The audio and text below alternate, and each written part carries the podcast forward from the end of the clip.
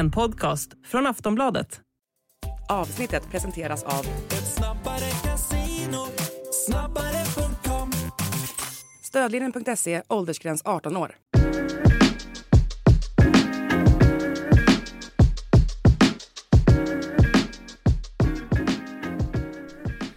Allsvenska podden är tillbaka och eh, som vanligt så kommer det bli stor silly special och sillyfokus här med mig Daniel Kristoffersson och Makoto Asahara. Och vi går ju direkt på eh, det viktigaste, eller kanske det stora snackisen som har varit under en längre tid. Jimmy Durmas Gate. Den har kommer till ett slut nu. Eh, vi skrev ju här förra veckan att han var på väg att bryta med AIK, att det bara var en tidsfråga innan han skulle bryta med AIK och att han var på väg till Turkiet då. Det nämndes en rad klubbar här och nu skrev Expressen här igår om att eh, det är Gencher Birligi i andra ligan, en klubb som Jimmy Durmaz har spelat för tidigare då som eh, han ska till och eh, ja, eh, det finns mycket att säga om eh, Durmas tid i AIK men eh, knappast någonting positivt. Det var ju en felrekrytering redan från början då. Eh, grejen var ju den att han var ju tränare med Hammarby där och de bedömde ju han liksom att han inte var i liksom, ja men eh, det var fysiken där som inte han, de trodde att han, att han inte skulle hålla. Eh, så det blev ingenting med Hammarby, han hade möte där med Martis Cifuentes också där och de, de sa nej. Eh, sen så har väl Manuel Lindberg då berättat om det här mötet där han skulle värva Elias Durmas, eh, brorsan då. Och så att, ja, då blev det så att de kom in på Jimmy Durmas och det blev en Ja men var, sågs ju som en prestigevärvning och att det var liksom ett sexigt namn som skulle komma hit och allting men det blev ju 18 matcher då. Han startade, eller ingen match som han startade vann AIK, i alla fall i Allsvenskan. Han gjorde ingen poäng. Och ja, det får ju klassas som en av de sämre värvningarna i AIKs eh, moderna historia. Även om ingen skugga ska falla vid Jimmy Durmaz. Jimmy Durmaz har haft en fantastisk karriär. Eh, han har ehm, eh, varit grym i landslaget, haft fina klubblagsmeriter och alltihopa. Men det är klart att det var en felrekrytering. Och och eh, sen så började man ju ana lite grann vartåt det här barkade när det var lite uttalanden från Thomas Berntsen till Fotbollskanalen där han menar på att ja, Jimmy Durmas har inte fysiken och att det har mer varit träningsproblem. Jimmy Durmas eh, liksom sa att ja men jag eh, Ja, det var någonting med revanschsugen där han sa någonting så att då fattade man att okej, okay, nu är det på väg att bryta. Vad säger du om den här Jimmy Durmas i tidig AIK? Alltså den är ju svår på just det, jag förstår ju ändå varför AIK från början gör värvningen med tanke på meriterna han har, med tanke på den det är alltså positionsbyte han ändå genomgått under en senare tid av mm. karriären mm. när han flyttat in i en mer central roll för att på något sätt förlänga karriären. Du, som 34 år i ytter ja. så kanske du inte har varit lika aktuell Nej. som 34 år i mittfältare och med Sebastian Larsson som lämnade så förstår jag absolut tanken. Sen tyvärr för allas del så blev det väl inte riktigt rätt. Den funkade inte Andreas Brännströms system som ju överhuvudtaget inte funkade för AIK. Han ingick inte alls i Henning Bergs planer bevisligen och då är det ju bäst för alla parter att bryta det. Eh, det ska ju sägas att man trodde ju, jag trodde ju på den här värvningen. Man trodde liksom, okej okay, han har spelat turkiska högsta ligan som sexa. Eh, han gjorde en del säsonger, spelade liksom år, år in och, eller vecka in och vecka ut där. Då tänkte man, ja men det kommer till allsvenskan liksom. Men Nej, jag vet inte. Det var något som inte stämde. Det går liksom inte att skylla på. Ibland, i liksom, om man ska dra en parallell med Daniel Majstorovic, det var att han inte kom överens med Andreas Alm. Här kan man liksom inte, okej, okay, du kom inte överens med Brännström, men Sen var det en ny tränare som gjorde samma bedömning och liksom det, ja, nej, det Sen gjorde han ju ett visst antal matcher och jag tyckte det fanns väl några ljusglimtar där han ändå stack ut Ja det var någon match där. Det var någon match han var, var väldigt bra vet jag, jag minns jag inte exakt vilken det var eh, Men eh, Nej såklart att det är en misslyckad värvning med facit i hand och att det inte alls blev så bra som AIK eller Jimmy Durmaz hade hoppats. Så jag tror att det är ju en stor anledning egentligen till varför säsongen gick så dåligt som det gick var ju att de mm. inte lyckades ersätta Sebastian Larsson. Nej, och det var ju Jimmy Durmaz som skulle vara den ersättaren med mm. all rutin och ledaregenskaper och allt, allt han har varit med om genom karriären. Eh, och det blev inte så för att det funkade helt enkelt inte och det är ju, nu, nu får ju AIK liksom ladda om på nytt och sitta en annan, nu har de ju värvat eh, Ellingsen till mittfältet mm. som jag tror kanske, det är en annan profil lite men fortfarande en spelare som Absolut, han har haft sina, sina skador och sånt men det, det, är en spelare som har en hög kvalitet och som också ja. kunde ha valt större klubbar, eller ja alltså klubbar med liksom mer sportslig framgång närmaste liksom historien än Ja. AIK. Ja. Så att säga. Ja det blir spännande att se där ju för att de, eh, det är ju lite grann Berntsen sätter ju sin hela prägel på, på laget nu och fasar ju ut allt som den tidigare sportsliga ledningen med Manuel Lindberg och ja men styrelsen och där gjorde ska in i en ny styrelse i AIK också liksom. Så att eh, det blir ju eh, ja men eh, när de här Sakel Boseidi, eh, Magashi när, eh, eller Magashi var ju i och för sig i Berntsen med, var, var något i, i, eller han var kanske inte med men det var ju liksom Jurelius i, ja, eh, fickan där när han kanske är väl i och för sig en sån spelare Ja. känner att om du hittar rätt användning för Exakt, honom så ja. kommer han att bidra väldigt mycket för AIK. Jag Exakt. tycker inte man har men, gjort det. men jag menar att det blir en norsk, det kommer, Berntsen sätter sin prägel nu, nu är snart allt det här från Manuel Lindberg Mm. borta då, får vi se om det går. De är, klart är i alla fall att de har lagt väldigt mycket pengar, eh, Thomas Berntsen på, på nyförvärv och spelare och Eh, det är få, väldigt få som liksom kommer Det blir någon form av return of investment eh, Och därför är de nu så Inte desperata men de jobbar för att sälja Jona Kusiasare då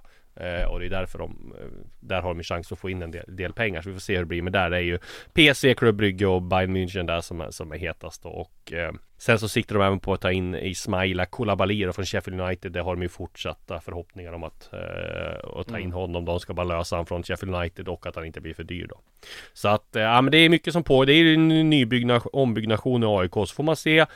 Nu verkar ju Kristoffer Nordfeldt bli kvar också. Och då blir det ju den här situationen med två väldigt bra målvakter. När de har Ismail, eller med Diawara då. Han har ju varit i den förut, Ja. om man säger så, Diawara. det är det Han kom menar. från den situationen. Sen vet inte jag vad han har fått för garantier av AIK Nej. och signaler av AIK när han värvades dit. För man kan ju tänka sig att om han tar ett steg från Malmö så är det väl för att få ha, vara första målvakt. Mm.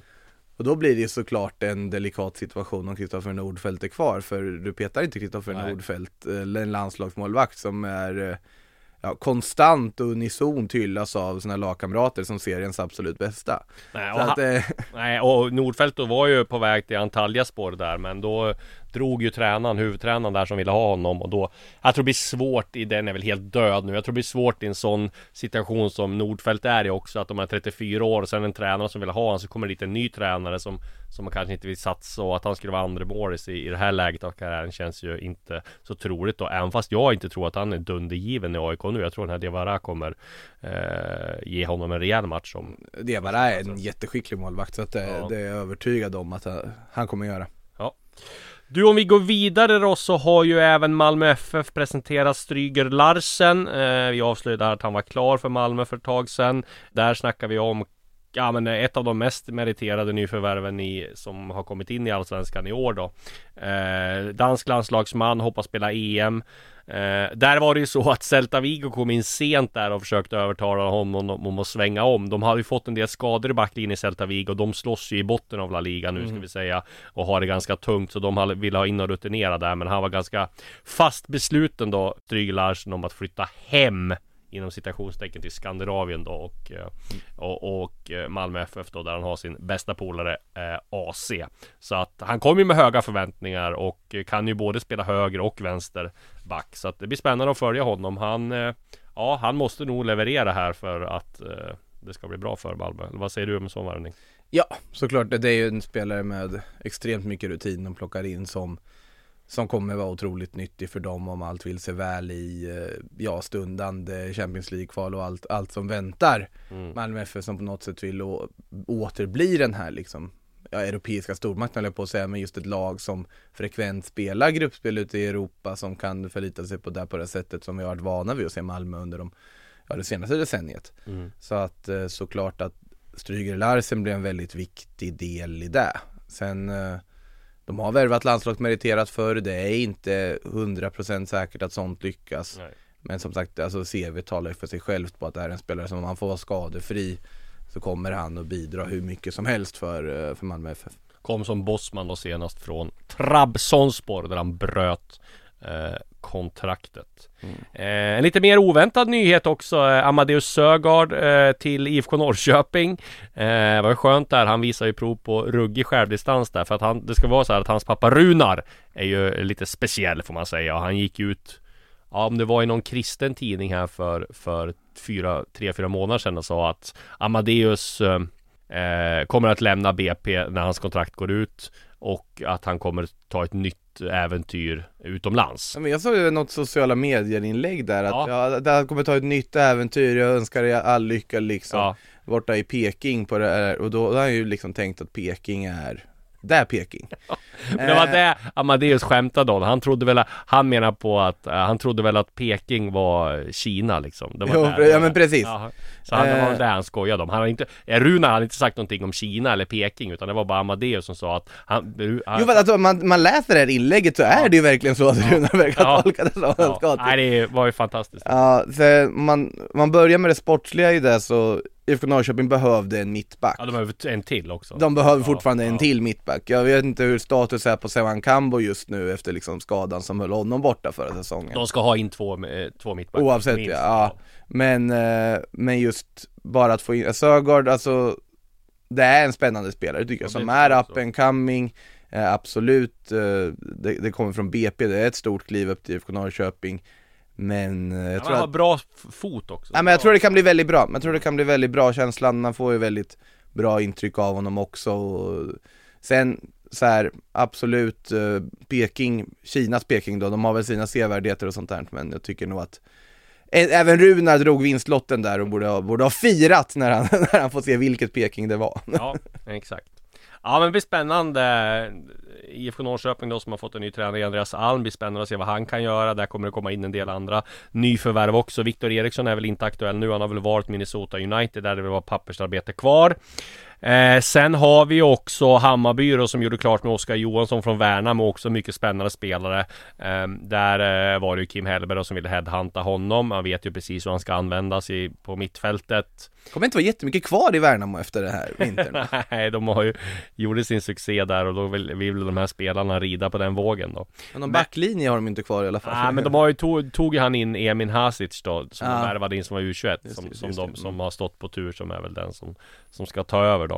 Eh, men däremot kan man ju säga att Hammarby då värvade, de har stängt butiken nu sa Mikael Hjelmer då i förvärvningar in. Eh, de har inte en dålig ekonomisk situation, men däremot så har de ju ganska dålig likviditet när det gäller, de har ju fått många försäljningar och sådana här betalningar som de väntar på som kommer in, eh, ja men som har varit uppdelade på åren. Så att därför behöver de göra en stor försäljning då. Och därför kan de inte värva så mycket. Så därför är det väl ingen vågad gissning att Adjei då säljs ganska snart. Och det och det är Frankrike som ligger närmast i hans och 40 miljoner där. Eh, Expressen skrev om Lorient tror jag var, eh, som var och Lyon och så var det något lag till tror jag som de skrev om. Så att vi, eller om det var Lille, jag kommer inte ihåg. Men det var något eh, Ligan var det i alla Ja, fall ligan var det. Lorient som låg, som låg närmast då. Och de också var intresserade av Kurtulus men Det är väl eh, känslan man får är väl att Adjei Ligger steget framför och Edvin Kurtulus när det gäller just eh, Ja, när utländska klubbar tittar Dels med tanke på hans skicklighet och kanske ålder och sådär också Ja, om det är den typen av klubbar som kopplas samman med honom som du nämner så är det absolut uppenbarligen så. mm. Eh, sen Hammarby har ju ett väldigt gott renommé av de liksom yngre försvarsförmågor de har liksom värvat från eh, afrikanska klubbar till exempel. Jag tänker ju på Josef Aido, jag tänker på Odilon. Mm. Eh, de har väldigt gott CV där. Titta på vad Odilon gör i Bayer Leverkusen Ja. nu. Titta, Aktuell för Premier League-klubbar ja, och för väldigt stora pengar. Ja, Det är såklart att när du lyckas med den typen av försäljningar så kommer klubbar veta om det. mm. Och då vet de att okej, Hammarby har väldigt god koll här när de värvar spelare som kanske inte är kända för allmänheten. Unga spelare som de plockar in via HTFF, fostrar till. eh, Och där har de ju en metod som uppenbarligen funkar. Mm. Eh, Så att det är klart att man kan tänka sig att de skulle få en god slant för Adjei som jag tycker är en otroligt kompetent och skicklig mittback. Sen tycker jag ju Kurtulus har egenskaper som gör att han borde vara, vara liksom aktuell för en flytt också. Mm. Och det är väl inte otänkbart där heller. Sen blir det ändå... Sen, du kommer inte sälja båda, de kommer sälja Nej en. precis, nej, men, nej precis. De, Den de andra går väl i en, sommar i så fall men då finns ju risk att det finns en av dem som kanske inte är lika nöjd med tillvaron. Det är ju det. som också blir problem och Sen kan jag väl tycka att det är något förvånande ändå oavsett om man pratar om liksom likviditet och annat i, i det här sammanhanget att Hammarby menar att fönstret är stängt i det här läget. mm. Eh, för vi kommer från en säsong där de satsade väldigt sparsamt Absolut, det gav en effekt på till exempel en spelare som Adjei fick kliva upp i A-laget och verkligen liksom ta för sig på ett sätt han inte skulle fått om han värvade massa etablerade spelare. Så att på så vis så finns det väl saker att lära från sättet Hammarby agerar som, som andra klubbar kan titta på. Men samtidigt, det finns en väldigt hög kravbild i den klubben just Ja. nu och då vet inte jag om det här räcker egentligen för, för Hellberg för att göra Ja, men jag, jag tror ju så här, Hammarby tänker så här. De får ta ett år nu med Hellberg där de kommer att, ja men de ska ju, målsättningen är att komma topp tre, men jag tror de är ganska nöjda med att komma topp fem. Eh, de tror... Men de ska väl ut i Europa igen, det måste ju vara deras exakt. målsättning. De Ja. tror ju på Erabi mycket, som de har förlängt med. De tror på Dennis Gyl mycket. Eh, de kan till exempel tänka sig att det var ju liksom Marti som, eh, ja men, eh, som tjafsade med till exempel Tesfalle Teki. Han kan de kalla hem som de ser som ett nyförvärv.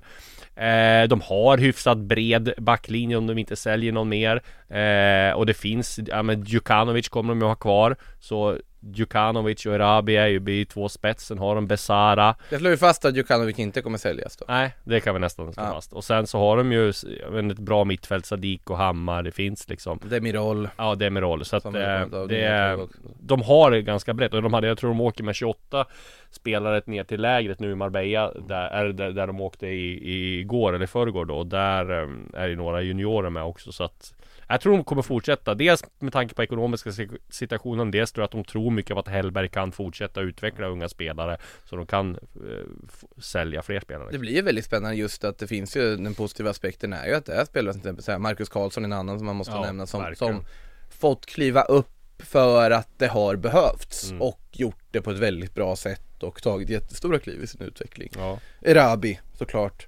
Gyll såklart, alltså det finns ju jättemånga yngre förmågor som i liksom vanligt scenario där de hade värvat på det här sättet som en allsvensk klubb vanligtvis skulle göra om man har en ambition att sluta Mm. topp tre då hade kanske vi aldrig fått se den här utvecklingen hos Josef Erabi, vi hade aldrig fått se utvecklingen hos Marcus Karlsson som tar honom hela vägen till en januari-trupp och så vidare. Ja, och sen har du ju en sån som August Mikkelsen som det borde finnas mycket Ja, där har vi ju sparkapital Ja. också, ja det, det är sant, det är Så sant. att eh, han och, kommer han rätt i offensiven. Sen har vi sådana som Marcus Rafferty också som kan slå igenom rejält. Eh, Ja, Mm. så att nej men det, det blir spännande, det blir spännande säsong för eh, många lag men kanske framförallt för Hammarby då om vi går vidare till Elfsborg så har de ju sålt Svein Gudjonsen till Hansa Rostock De har sålt Alexander Bernhardsson till Holstein Kiel Där fick de 7 miljoner Alltså det alltså, sälja Alexander Bernhardsson till Holstein Kiel låter som att det är en handbollsspelare de har sålt alltså, alltså, Ja. om, om det är Kiel du säljer någon till Ja. är- känslan Eh, är där, det fick, där fick de ju 7 miljoner då. Eh, jag tror inte eh, Sven Gudjonsson släppte väl Elfsborg i princip gratis tror jag. Jag kollade på Hansa Rostocks senaste köp de 3-4 åren. De har inte köpt en enda spelare för över 200 000 euro.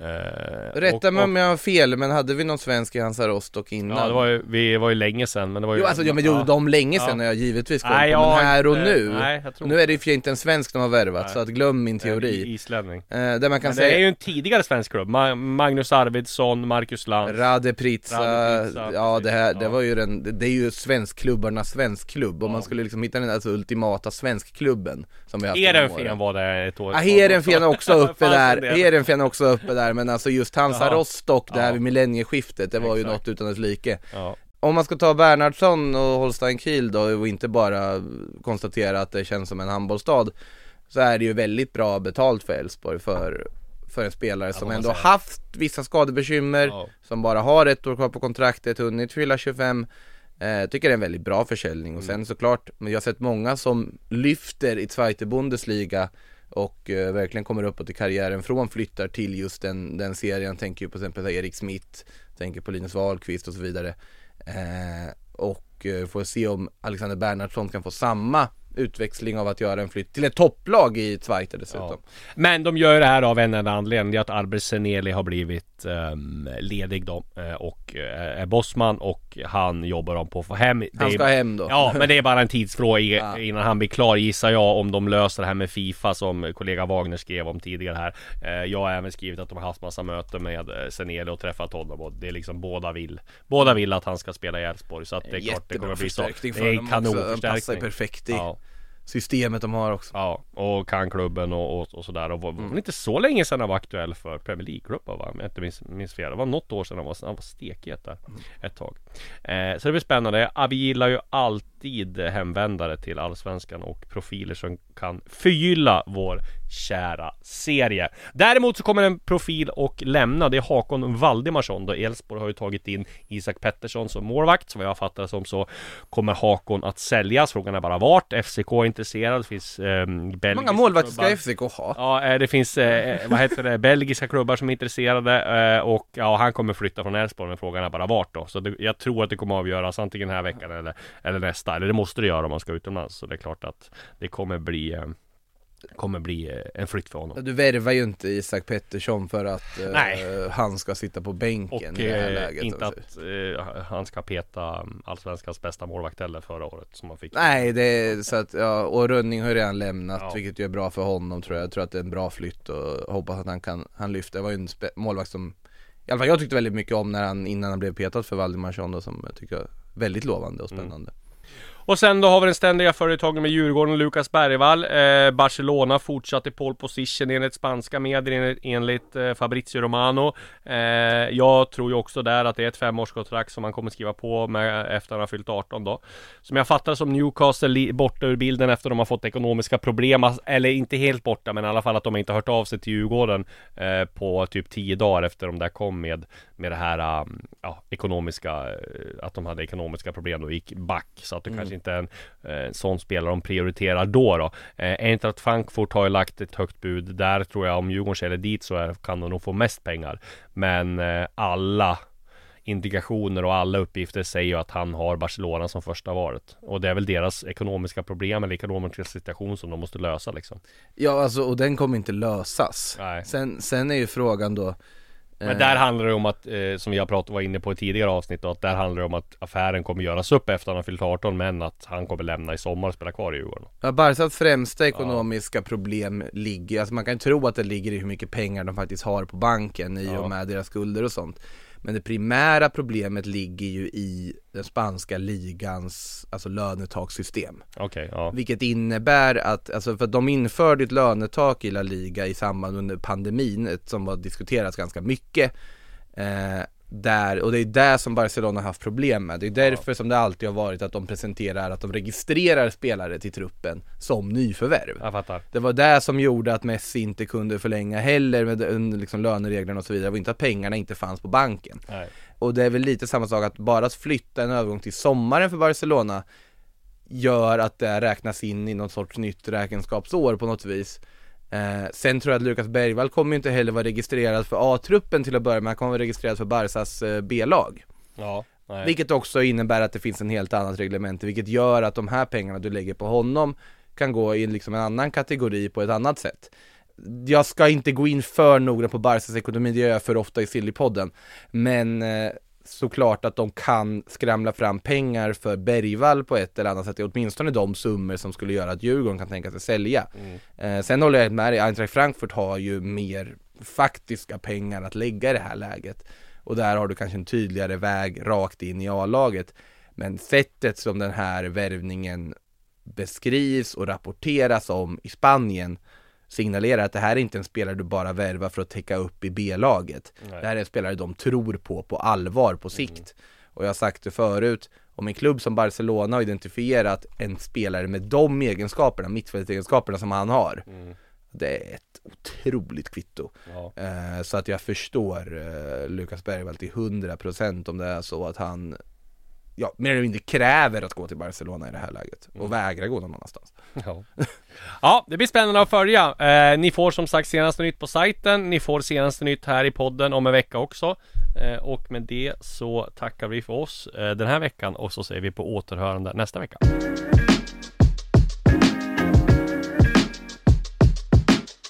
Du har lyssnat på en podcast från Aftonbladet. Ansvarig utgivare är Lena K Samuelsson.